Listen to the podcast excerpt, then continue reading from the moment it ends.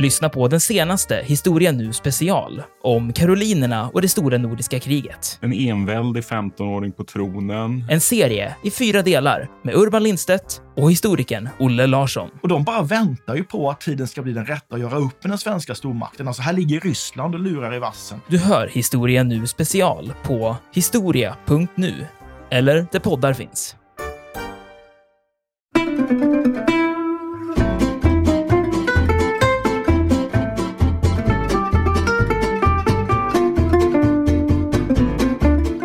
Det finns en fantastiskt rolig historia tycker jag när de diskuterar män emellan. Hur många gånger kan man ha sex med en kvinna på en natt? Och en av de här närvarande tar, tar till ordentligt och säger ja men fem gånger, det är, det, det, det är nog vad man klarar av. Åh, oh, säger Karl. Återigen ordet lappri, säger han. lappri.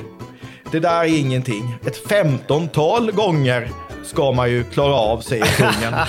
Och där hör man ju själv liksom att det är, det är erfarenheten som, som, som talar.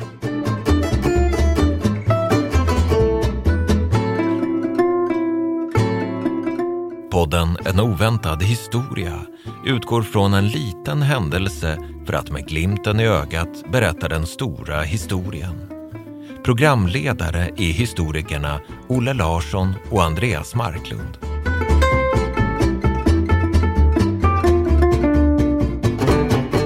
Hallå Andreas! Tjenare! Hur är läget? Det är alldeles utmärkt som vanligt. Vad bra! Jag har tänkt på att det finns ju väldigt många fascinerande gestalter i svensk och internationell historia, men det finns en som jag inte kan släppa och som jag ständigt återkommer till. Och som om jag blev tvingad till att nämna bara en person som fascinerar mig mer än någon annan i historien så är det faktiskt Karl den XII. Och jag har ju en relation med honom sen, eh, sen jag var liten faktiskt. Och min bild av Karl XII har nog framförallt skapats av två stycken historiker. Och det är Carl Grimberg, den fantastiska boken Svenska folkets underbara öden. Och så är det Alf Åberg. Och jag tror att det beror på att dels att jag stötte på dem i väldigt tidig ålder och att man präglas lite grann av det man hör när man är liten. Men så tror jag också att det beror på att deras berättelser om Karl XII var så oerhört starka. Berättelsen om den här krigarkungen. För det var ju just det han var för mig. Han var verkligen krigarkungen, personen som tillbringade större delen av sitt liv i fält. Så då undrar jag, Andreas, för jag vet ju att du också delar min fascination för Karl XII. Mm. Var och hur mötte du kung Karl för första gången?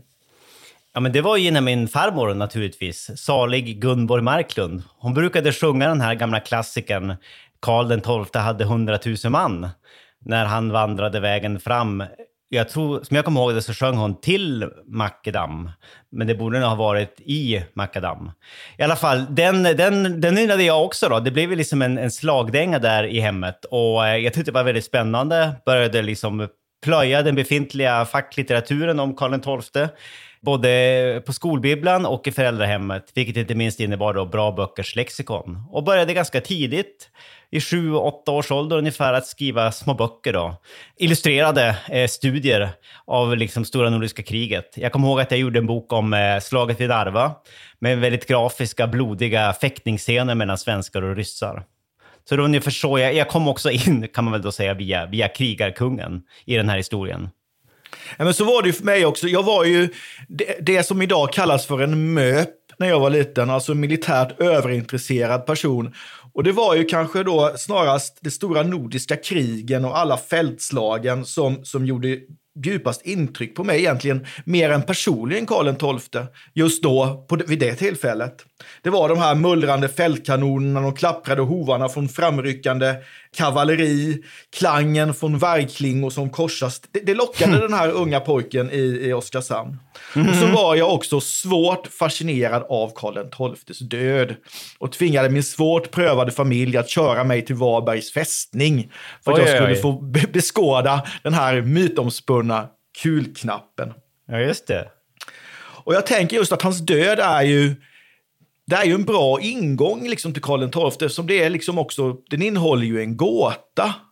Så jag tänker jag ska bara försöka påminna dig lite om alltså hur det här gick till. Och jag ska ta med dig till löpgravarna vid Fredrikstens fästning den 30 november 1718. Och du får tänka nu att det är på kvällen. Låt oss säga att klockan är ungefär åtta. Mörkret har fallit. Dimman har precis lättat. Och vi står då nere i en av de här löpgravarna som svenskarna grävt under belägringen av den här fästningen. Av helt förklarliga skäl så grävde man framförallt nattetid, därför att då kunde man använda mörkret som skydd. Man var ju ständigt beskjuten från fästningens försvarare. Och det här jobbet var ju rent av livsfarligt. Och nu sa jag att det var den 30 november.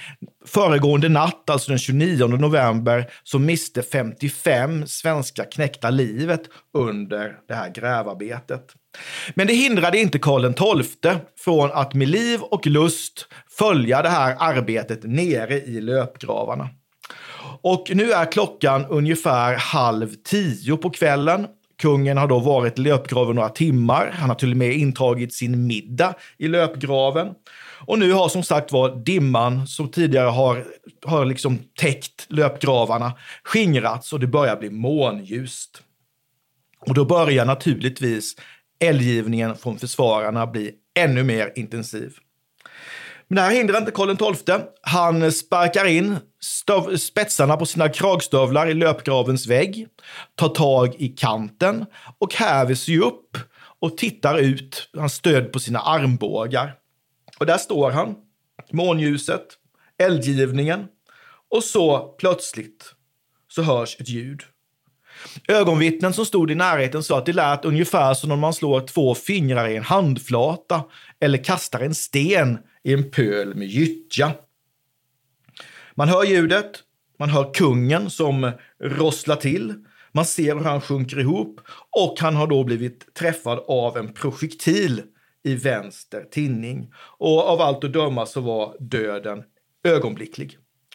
Och vi har ett ögonvittne, nämligen en löjtnant som heter Bengt Wilhelm Karlberg som skriver ner sina erfarenheter från det här ögonblicket. Och han skriver så här. Så träffade utanifrån tranchén ett skott in på vänstra sidan genom hans majestäts huvud, varvid icke den minsta rörelse mer förspordes än att handen undanföll vänstra kindbenet och huvudet lutade så sakta neder ut i kappan, utan någon den ringaste ryckning på kroppen, som blev så alldeles liggande som den låg förut oerhört dramatiskt och suggestivt. Och oj, därmed liksom är ju Karl XIIs död slut. Men hans död är ju som sagt var lika fascinerande som hans liv. Det uppstår ju omedelbart teorier. Vad var det som dödade kungen? Var det en norsk kula eller var det en svensk lönnmördare? Men den här frågan tycker jag den är ju värd ett avsnitt eh, i, i, kraft av sig själv. Så jag tänker att vi, vi, vi lämnar den frågan därhän. Och jag tänker att vi idag ska prata lite grann om eh, kanske några mer andra, mer okända sidor av Karl XII. Och jag tänker faktiskt göra det här som en utmaning till dig. Jag mm. ska berätta för dig om en mindre känd historia om karaktären Karl XII. Och mm. då får du liksom parera mitt utfall med blank värja genom att berätta någonting för mig om Karl XII som jag kanske inte redan känner till. Låter det som en bra idé? Eh, alltså, absolut. Eh, nu känner jag ju att jag kanske står inför min eh, överman, men eh, jag, jag fruktar inte jag ska göra mitt bästa. Det skulle, det skulle Karl XII också ha gjort i det här läget, tror jag. Du tar alltså upp min kastade handske? Utan tvekan. A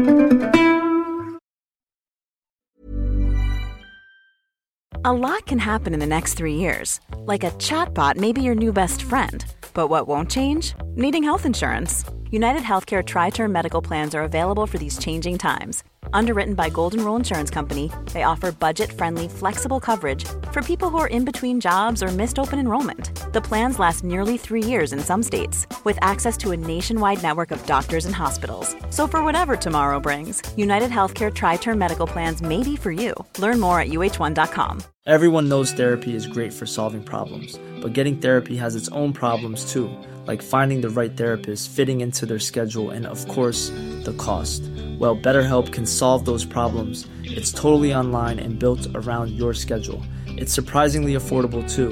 Connect with a credentialed therapist by phone, video, or online chat, all from the comfort of your home. Visit betterhelp.com to learn more and save 10% on your first month. That's BetterHelp, H E L P. Hey, I'm Ryan Reynolds. Recently, I asked Mint Mobile's legal team if big wireless companies are allowed to raise prices due to inflation. They said yes. And then when I asked if raising prices technically violates those onerous two year contracts, they said, What the f are you talking about, you insane Hollywood ass? So to recap, we're cutting the price of Mint Unlimited from $30 a month to just $15 a month. Give it a try at mintmobile.com slash switch. $45 upfront for three months plus taxes and fees. Promo rate for new customers for limited time. Unlimited more than 40 gigabytes per month. Slows. Full terms at mintmobile.com.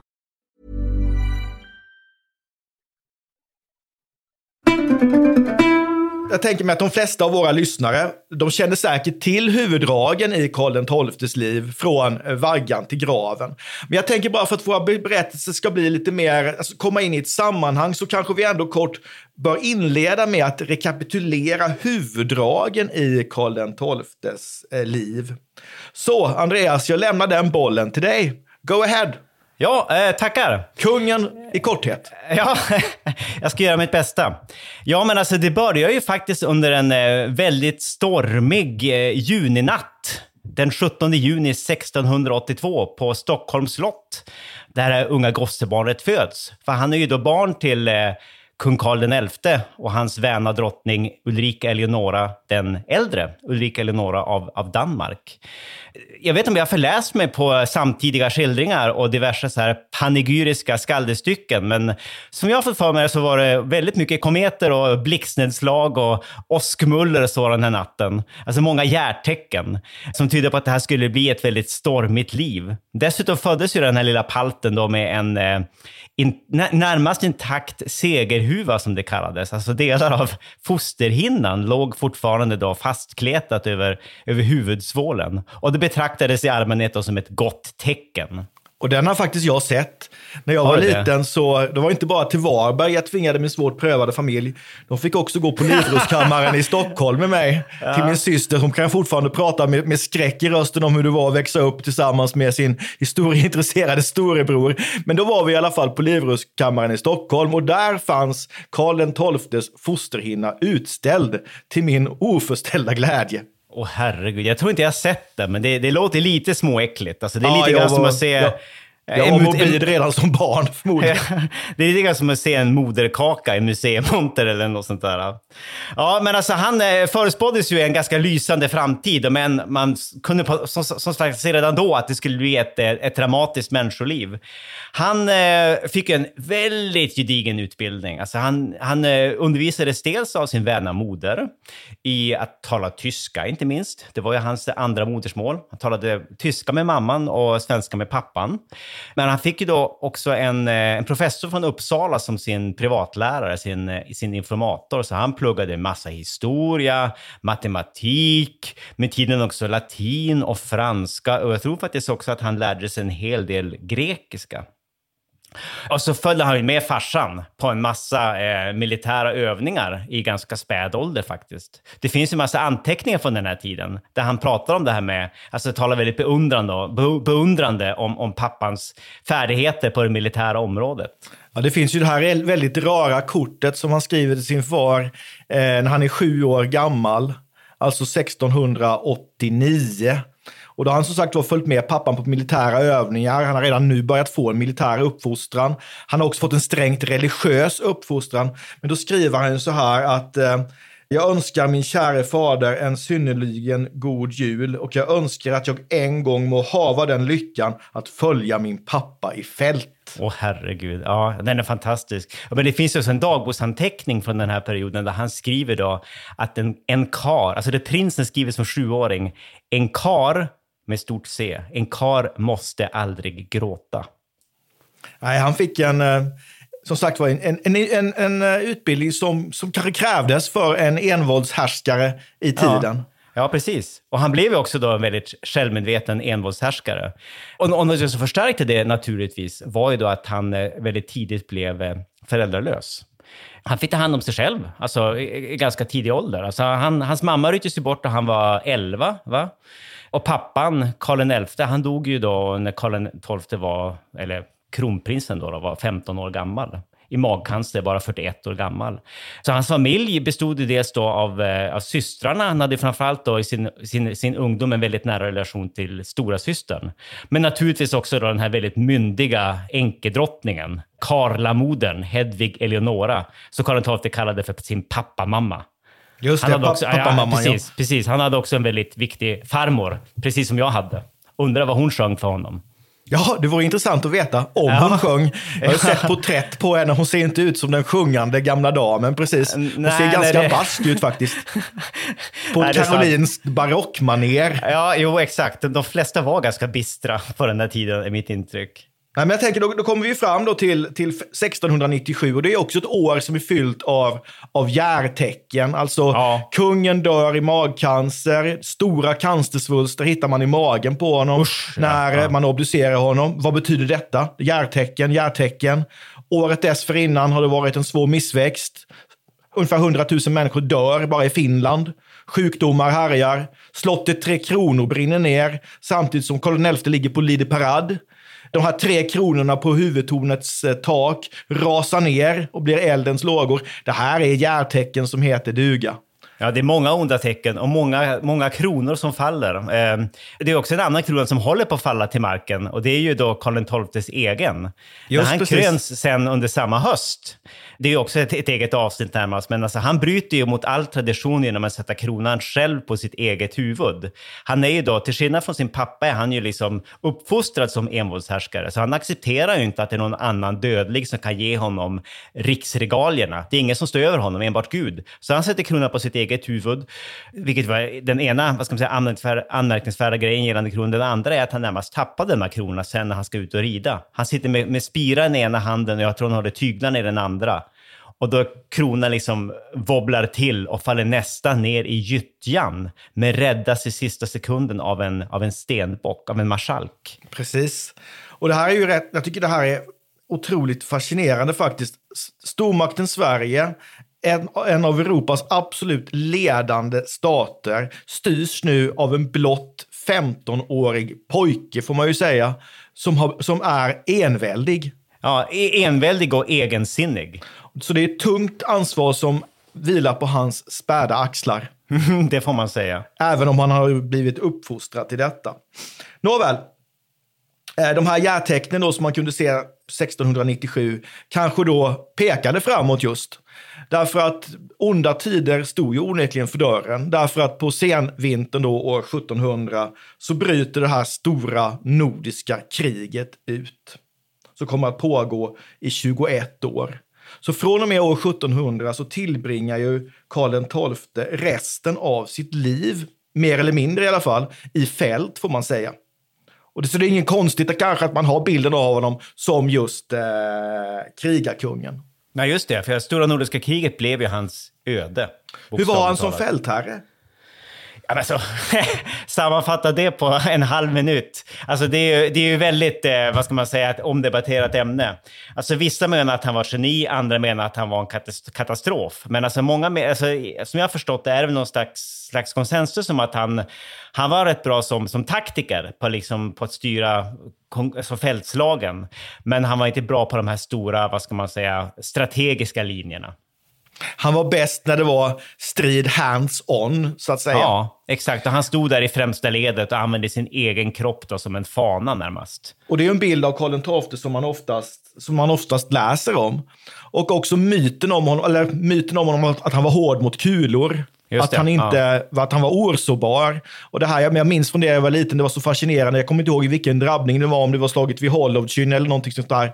När Karl tar av sig sin halsduk på kvällen som han har haft runt halsen då, så trillade ut en, en, en muskötkula som inte har inte ens rispat honom. Och då sa han säkert lappri, lappri eller något Han sa säkert lappri. Han, det är ju ett uttryck som han brukar använda. Struntprat kan vi väl översätta lappri ja, med. Struntprat eller små, småpotatis. Just precis. Så Karls liv präglas då av krig ända fram då till 1718, 30 november. Då är vi tillbaka där vi började. Där han mötte sin död i löpgraven vid Fredrikstens fästning 30 november 1718. Och där ligger just den svenska stormakten i dödsryckningar. Och 1721, tre år senare, så sluts ju freden i Nystad och då brukar man ju säga där är den svenska stormaktstiden över. Så om vi ska ta och summera upp så har vi alltså en kung som uppfostras till att bli en enväldig konung. Han är högutbildad. Han tillbringar i princip halva sitt liv i fält. Han dör 36 år gammal. Och det är just den här krigiska delen av hans liv. Det var det som började fascinera mig och, dig också, om jag förstår det rätt. Ja. Och det är den bild som många har av honom. Så därför tänker jag att jag ska försöka lyfta fram en annan aspekt av hans liv som är lite mer okänd. Okej, okay, kul. Kanske inte helt okänd, men, men ganska okänd. Det kanske inte är det första man tänker på när man hör Karl XIIs namn nämnas. Men jag tänker jag skulle prata lite grann om hans relation till kvinnor. Oj, oj. Ja, det är ett kärt ämne. Ja, och framförallt så är det ju spännande eftersom han anses inte ha haft någon relation till kvinnor. Just det. Så, vi kan ju konstatera om vi tittar på hur hans liv ser ut att han inte var speciellt förtjust i kvinnosällskap. Möjligtvis då med, med undantag för sina systrar och eh, sin mamma innan hon dog, men också då drottningmodern, eller farmor. Och en som fick erfara att Karl inte var så förtjust i kvinnor var ju den här kända adelskvinnan, tillika då en tidigare älskarinna till August den andre av Sachsen-Polen, som heter Aurora Königsmark, som i januari 1702 bestämmer sig för att söka upp Karl XII. Han befinner sig då på ett ställe som heter Vörgen i Kurland. Och hon kommer då till det svenska lägret och eh, hon har egentligen två ärenden. Hon vill be om nåd för en släkting som har råkat lite illa ut. Och hon har också kommit dit på August den andres uppdrag för att erbjuda den svenska kungen fredsförhandlingar. Det här är ju samband då med, med fälttåget i Polen som inleds samma år, då, 1702. Och Karl, hur agerar han? Ja, han vägrar helt enkelt att träffa henne. Nej, jag tänker inte prata med henne. Hmm. Så hon får lämna det svenska högkvarteret utan att ha träffat kungen. Mm. Och man undrar ju varför. Och man har spekulerat i vad hans avoga inställning till Aurora Königsmark, som hon hette, vad det berodde på.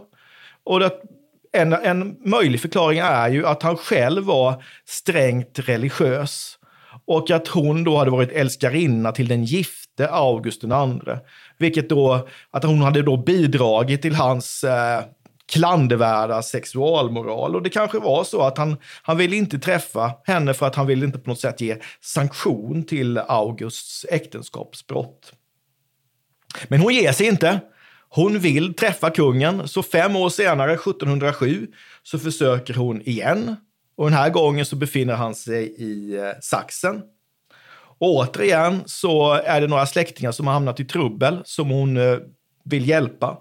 Och den här gången får hon träffa Karl Piper som är chef för det svenska fältkansliet. Ja. Han tar emot henne och han beskriver henne i sin dagbok med följande ord som kanske inte är så snälla. Han säger att hon, hon är något fet, men ser inte direkt illa ut. eh, men hon får inte träffa kungen den här gången heller.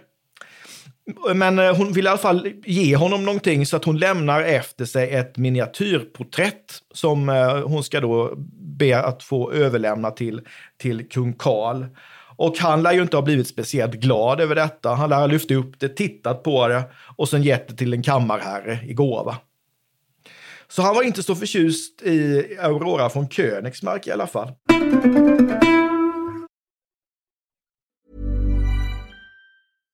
How would you like to look five years younger? In a clinical study, people that had volume added with Juvederm Voluma XC in the cheeks perceived themselves as looking five years younger at six months after treatment. Look younger, feel like you. Add volume for lift and contour in the cheeks with Juvederm Voluma XC. Reverse signs of aging by adding volume to smooth laugh lines with Juvederm Volure XC. For important safety information and to find a licensed specialist, visit juvederm.com. That's J U V E D E R M.com. Not for people with severe allergic reactions, allergies to lidocaine, or the proteins used in Juvederm. Common side effects include injection site redness, swelling, pain, tenderness, firmness, lumps, bumps, bruising, discoloration, or itching. There's a risk of unintentional injection into a blood vessel, which can cause vision abnormalities, blindness, stroke, temporary scabs, or scarring. Talk to a licensed specialist to find out if it's right for you. Hey, I'm Ryan Reynolds. At Mint Mobile, we like to do the opposite of what Big Wireless does. They charge you a lot, we charge you a little. So naturally, when they announced they'd be raising their prices due to inflation, we decided to deflate our prices due to not hating you. That's right. We're cutting the price of Mint Unlimited from $30 a month to just $15 a month. Give it a try at mintmobile.com slash switch. $45 upfront for three months plus taxes and fees. Promo rate for new customers for limited time. Unlimited more than 40 gigabytes per month. Slows. Full terms at mintmobile.com. Everyone knows therapy is great for solving problems, but getting therapy has its own problems too, like finding the right therapist, fitting into their schedule, and of course, the cost. Well, BetterHelp can solve those problems. It's totally online and built around your schedule. It's surprisingly affordable too. Connect with a credentialed therapist by phone, video, or online chat, all from the comfort of your home. Visit betterhelp.com to learn more and save 10% on your first month. That's BetterHelp H E L P.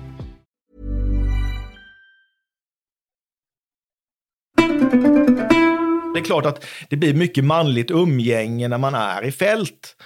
Har man gjort värnplikten så vet man ju hur det kan låta på ett logement. Mm. Jag vet hur det lät på logementen i slutet på 1980-talet. Mm. Och det verkar som om det lät ungefär likadant i fältlägren under stora nordiska kriget.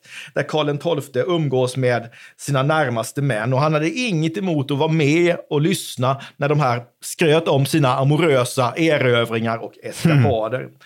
Och det finns en fantastiskt rolig historia tycker jag när de diskuterar män emellan. Hur många gånger kan man ha sex med en kvinna på en natt? Och en av de här närvarande tar, tar till ordentligt och säger ja men fem gånger, det är, det, det, det är nog vad man klarar av. Åh, oh, säger Karl. Återigen ordet lappri, säger han. lappri. Det där är ingenting. Ett femtontal gånger ska man ju klara av, säger kungen. Och där har man ju själv liksom att det är, det är erfarenheten som, som, som talar. För så vitt vi vet så hade han ju inga som helst sexuella relationer. Alltså hans sexuella erfarenheter var, återigen så vitt vi vet, helt obefintliga. Och det verkar som att inte ens när han inte var i fält så var han intresserad av kvinnor. Men det finns absolut ingenting som talar för att han skulle varit homosexuell eller asexuell. Och det här det här framgår faktiskt av, han, han, kungen var ju känd för att vara tystlåten, inte vara speciellt öppen om sitt liv eller sina tankar eller sina planer. Men han eh, fick förtroende för en ung kapten som hette Arvid Löven som besökte Karl XII i fältlägret vid Bender, alltså efter kapitulationen vid Poltava. Ja. Och de här umgås, de samtalar dagligen. Och här berättar berättar Karl varför han inte hade något intresse för kvinnor. Och jag citerar, han säger så här. Lika lite som ni saknar jag böjelse för vackra kvinnor. Men jag vet att behärska den bättre. Det skulle kosta er allt för mycket att försöka göra detsamma eftersom ni redan fått smak för saken. Alltså, han är, tycker mycket bra om kvinnor. Han är intresserad av kvinnor. Både, jag tycker de är vackra, han är eventuellt han är sexuellt attraherad av dem, men han väljer att avstå därför att detta skulle orsaka honom för mycket distraktion. Han vill okay, inte ja. släppa fram passionen. Han har viktigare saker att göra. Han har ett krig att vinna. Och vi ser det här, han, han menar ju på att kärlek till en kvinna skulle leda till ett beroende. Han skulle inte kunna hantera det. Han skulle bli för kär helt enkelt. Och han skulle bli sämre som både kung och fältherre. Ja. Och det kan han inte bli i den här situationen när Sverige ja, behöver honom. Både som kung och fältherre. Och han säger också då, och det här kan man ju se som en passning då till August II kanske, att han mycket starkt ogillade tillfälliga förbindelser och smutsig kärlekshandel. Så vad han säger här är ju att ska det vara, så ska det vara på riktigt. Och då ska det vara liksom eh, kärlek. Han vill älska för evigt, säger han den dagen det blir dags. Och det var därför han sa det, jag kan, inte, jag kan inte inleda någon relation med någon så länge kriget varar, därför att det ska vara på riktigt. Jag har inte tid för några störande element och då går kriget först. Ja, men det, det, låter som en väldigt rimlig tolkning tycker jag. Alltså, det stämmer överens också med den här bilden av den här egensinniga unga pojken som sätter kronan på sitt eget huvud. Alltså, alltså, han var inte underställd någon dödlig. Han vill inte vara beroende av någon annan. Han var inte jämställd med andra människor. Han, var inte, alltså, han vill inte vara beroende av någon, heller inte av en kvinna. Det var det ena. Och för det andra så var han ju så extrem i allt han gjorde också. Alltså han kunde mycket väl, jag kan mycket väl föreställa mig att han, eh, han intalade sig själv om att han måste först bli färdig med kriget, sen kan man ta hand om allt det där andra som har med kungarollen att göra. Alltså han åkte aldrig ens tillbaka till Stockholm efter, alltså, efter krigsutbrottet till exempel. Så det var ju hans pliktmedvetenhet egentligen det tror jag. Som fick honom att inte ingå någon kärleksförbindelse med någon kvinna. Och han så övertygad om att han hade något slags gudomligt uppdrag, tror jag också. Kungarollen för honom var ju ett gudomligt uppdrag. Precis, kungen av Guds nåde. Exakt. Som han sa, kronan kommer inte från kyrkan, den kommer ifrån Gud. Därför sätter han på kronan på sitt huvud själv i samband med kröningen. Men han hade ju faktiskt utlovat lovat Hedvig Eleonora att han skulle faktiskt gifta sig innan han var 30 år. Ja, just det, sin och det farmor. var han ju Ja. 1712. Ja. Men då pågick kriget fortfarande och hon påminde ju honom om det här löftet. Och då säger han ju att nej men, det där minns jag inte. Det kan jag inte ha lovat. Men eh, vi väntar ytterligare tio år, säger han. Och så säger han återigen att det som gör att jag inte gift mig, det beror på att kriget inte är slut. Och jag tror faktiskt att hade kriget tagit slut och han hade överlevt kriget, så hade han åkt hem till Stockholm. Han hade eh, gift sig, största sannolikhet, levt ett vanligt hovliv, kanske till och med iförd peruk, vilket han då inte bar i fält. Det tror jag definitivt. Han hade, tagit, han hade tagit av sig uniformen och blivit en vanlig kung. En vanlig kung med allongeperuk och ja, allt annat som hör till en kung i början av eh, 1700-talet. Exakt, men han fick ju aldrig riktigt chansen. Nej, vi kommer ju aldrig få veta hur det här, kommer, hur det här kunde ha slutat eftersom man då möter sin baneman i Norge 1718. Och skulle kriget pågå ytterligare tre år. Så Andreas, det var alltså Karl XIIs kärleksliv i stora drag. Vad har du för historia att kontra med? Oj, oj, oj. Alltså det här blir svårt, Olle. Alltså, mysteriet om Karl XIIs eventuella kärleksliv, det är ju rätt svårt att klå på typ alla skalor. Men så finns det bara så mycket att välja mellan. Alltså, tvärt emot vad många tror så var ju Karl XII en extremt mångsidig monark. Alltså, han hade väldigt många oväntade strängar på sin lyra, så att säga. Alltså, jag, jag skulle kunna berätta om Karl XII och skorporna till exempel. Alltså de här små besynnerliga rågbrödssurdegsklumparna. så här, rågbröds-surdegsklumparna. Alltså de såg ut som små tärningar tror jag nästan. Som eh, Karl XII experimenterade med och lät framställa till hela den svenska armén i samband med det här sista fatala norska fälttåget 1718. Som ett sätt att lösa försörjningsproblemen med. Alltså han skickade till och med ut ett recept till alla svenska bagare, i alla fall alla svenska kronobagerier, som börjar med något i stil med “Vår nådiga vilja”, men som mynnar ut i ett skorprecept. Alltså det är du vet, med, baserat på rågbröd och andra grejer. Det är Eh, förlåt, fantastiskt. rå- rågmjöl och andra Ja. grejer. Alltså det, det, det, det är ett fantastiskt dokument från stora nordiska kriget. Men eh, jag väljer nog att fokusera på ett lite annat tema, nämligen då Karl XIIs stora intresse för det svenska postväsendet, naturligtvis. Och alltså, han fick, han fick till en, en väldigt viktig postreform i slutet av sin levnad. I februari 1718 faktiskt, ett år som man normalt kommer ihåg för andra grejer, alltså inte minst då Karl XIIs död. Men alltså det här var då någonting som han genomförde under en ytterst fascinerande fas av Sveriges historia, då det faktiskt var Lund och inte Stockholm som var Sveriges egentliga huvudstad. Alltså det var ju här i Lund som Karl XII hamnade efter exilen i Bender, alltså kort tid efter exilen i Bender. Alltså han åkte ju aldrig tillbaka till Stockholm som vi just nämnde, utan han styrde faktiskt stormaktsväldet i nästan två år från Lund. Och det krävde effektiva kommunikationer. Och nu tror jag faktiskt att en av anledningarna till att han valde just precis Lund som sin, som sin nya residensstad, eller sitt, sitt högkvarter, det var det att Lund låg logistiskt sett väldigt bra till i förhållande till både kontinenten och det svenska postvägsnätet. Och Norge naturligtvis. Han hade vissa Och ärkefienden Danmark. och inte minst ärkefienden Danmark naturligtvis. Men alltså, jag, jag lovar att jag ska försöka fatta mig kort. Jag kan ju lätt bli lite långrandig när jag får snacka om posthistoria. Men alltså vid det här laget, när, när Karl XII kom till Lund, då hade han redan haft anledning att fundera över postgången i ganska många år. Eftersom Karl XII de facto, han hade ju styrt riket på distans. Alltså genom brev och kungliga förordningar sen början av stora nordiska kriget, alltså sen år 1700. Alltså under fem år hade han ju till och med då som enväldig kung styrt Sverige från Osmanska riket, alltså från, från Moldavien och under några, eh, en, en fas till och med från norra Grekland. Så han visste allt om post och postförseningar. Och 1718, då han alltså befann sig i Lund, då, då ansåg han att det var dags att styra upp i det här och liksom att effektivisera allt det här på, på gott Karl XII-manér.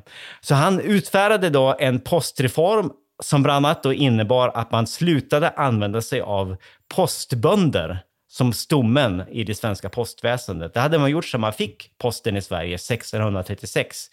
På en specifik sträcka hade man använt sig av ryttare, alltså den mellan Stockholm och Hamburg. Men i övrigt så var det bönder som fick skattefrihet som sprang med postsäckar mellan olika postgårdar. Det var liksom det som var stommen i postsystemet och det kunde ibland gå ganska långsamt. Och det gillade inte Karl XII, så han såg till att man anställde då särskilda, alltså statligt anställda postiljoner, beridna postiljoner, som hade uniformer och som då eh, kunde uppnå ganska höga hastigheter, på ungefär 20 kilometer i timmen ibland. Särskilt om man använde sig av den särskilda expressbrevskategori som Karl XII införde och vilken fick då namnet rännpost. Det låter som en sjukdom. Ja, det låter, det låter småfarligt, men det var, det var rätt genialiskt. Alltså, det innebar att man helt enkelt betalade en extra slant då för att postiljonen skulle rida dag och natt tills brevet kom fram och byta häst vid varje gästgiveri, alltså varje gästgivargård längs vägen. Och det var ungefär då varannan mil. Men det kanske mest intressanta med den här postreformen, det är att det är första gången som det fastslås i svensk historia att det är högertrafik som ska råda i Sverige. Om två av de här postvagnarna möttes, eller två postvagnar eller två postryttare möttes, så skulle de då enligt Karl XIIs egen formulering hålla halva vägen vardera till höger. Det står det i den där förordningen. Men det här upphävdes ju kort därefter, alltså under frihetstiden, under 1730-talet. Då fick vi istället då vänstertrafik. Och det var ju det som gällde i Sverige ända fram till den här berömda dagen H, alltså 3 september 1967, då vi fick högertrafik igen under Olof Palmes tid som då svensk infrastrukturminister. Och då låg Så min mamma på BB med mig. Åh, spännande, spännande. Det känns som vi knyter ihop säcken, Ja. Olle. Alltså jag har fått till, jag hade drömt till med Karl XII, jag hade drömt till med post, jag hade drömt till med högertrafik, jag hade drömt till med Olof Palme och jag har fått med dig också, Olle. Ja, men det var, väl ganska, var inte det ganska oväntat? Det är fantastiskt. Ja, tack. Men han är fascinerande, oerhört fascinerande. Absolut. Och, och, och, och som sagt, väldigt, väldigt mångsidig och så himla extrem i allt det han gör. Jag tänker som en avslutning, finns det egentligen någon som kan mäta sig med Karl XII? Alltså vi, att du och jag är fascinerade av honom, det trodde jag ha framgått. Men finns det någon annan som du kan tänka dig som kommer i alla fall i närheten av den fascination man kan känna för, för Karl XII?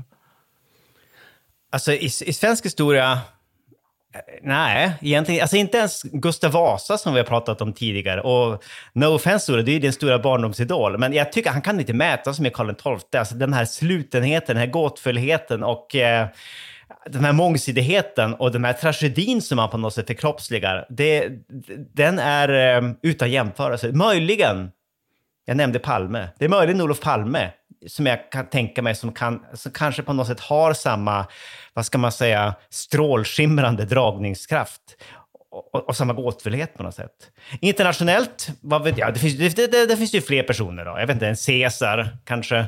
Caesar, ja absolut. Nej, men jag tänker på, på Elisabeth I av England, som Ja. också är gåtfull med det här The Virgin Queen och, och allt detta. Och, och liksom den fasad hon bygger upp och den bild hon bygger upp av, av sig själv tycker jag är mycket fascinerande. Och bra, par bra parallell, för hon var också så gränsöverskridande och extrem på samma sätt som Karl XII. Han var också på sitt sätt väldigt gränsöverskridande och extrem. Gjorde, Fast jag- alltså, ja. Ja, jag tänkte att man kanske ska förtydliga det. För när jag säger fascinerande så menar jag just fascinerande. Jag menar inte att jag menar att de här personerna är beundransvärda eller liksom eh, förebildliga, utan de är just fascinerande i kraft av att de är spännande.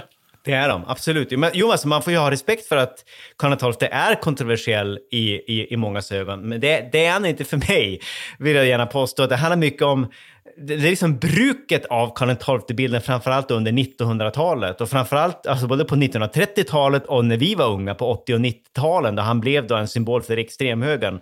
Det gjorde honom kontroversiell. Och det är väldigt viktigt att hålla det åtskilt från den historiska Karl XII som är något, något helt annat och ytterligt gåtfullt.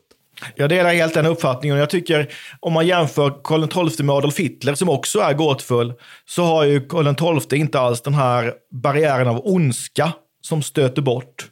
Precis. Utan han är ju mer gåtfull just. Exakt. Ren gåtfullhet. Ska vi lämna honom där? Vi kommer Det säkert återkomma till honom. Det hoppas jag. Jag också. Tack för idag Andreas. Tack ska du ha. Vi ses. Ja, Hej då. hej. Hej, hej. Vi tackar programledarna Olle Larsson och Andreas Marklund. Kontakta gärna Olle och Andreas på ovantad@historia.nu. Vi läser allt, men hinner kanske inte alltid svara.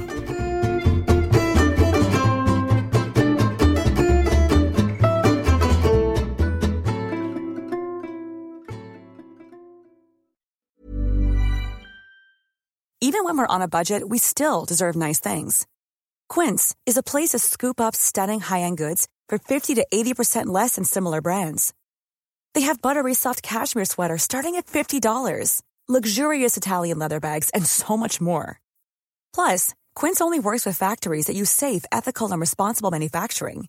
Get the high-end goods you'll love without the high price tag with Quince. Go to quince.com slash style for free shipping and 365-day returns. Hey, it's Paige DeSorbo from Giggly Squad. High quality fashion without the price tag. Say hello to Quince. I'm snagging high-end essentials like cozy cashmere sweaters, sleek leather jackets, fine jewelry, and so much more. With Quince being 50 to 80% less than similar brands. And they partner with factories that prioritize safe, ethical, and responsible manufacturing. I love that. Luxury quality within reach. Go to quince.com slash style to get free shipping and 365 day returns on your next order. Quince.com slash style. Mom deserves the best, and there's no better place to shop for Mother's Day than Whole Foods Market. They're your destination for unbeatable savings, from premium gifts to show-stopping flowers and irresistible desserts. Start by saving 33% with Prime on all body care and candles. Then get a 15-stem bunch of tulips for just $9.99 each with Prime. Round out Mom's menu with festive rosé, irresistible berry chantilly cake, and more special treats. Come celebrate Mother's Day at Whole Foods Market. Iran har under 1900-talet genomgått tre omvälvande revolutioner som orienterat landet antingen mot västerlandets modell eller mot en auktoritär styrelseform. Idag pågår en social revolution i landet som vänder sig mot det islamistiska styret och vars anhängare har Europa och väst som förebilder. I en viktig bok ger idéhistorikern Mohammad Faslashemi en djupare förståelse för dagens dramatiska händelseutveckling. Iran mellan tre revolutioner är utgiven av förlaget Historiska Media. Beställ den fysiska boken på förlagets hemsida historiskamedia.se eller köp den i en bokhandel nära dig.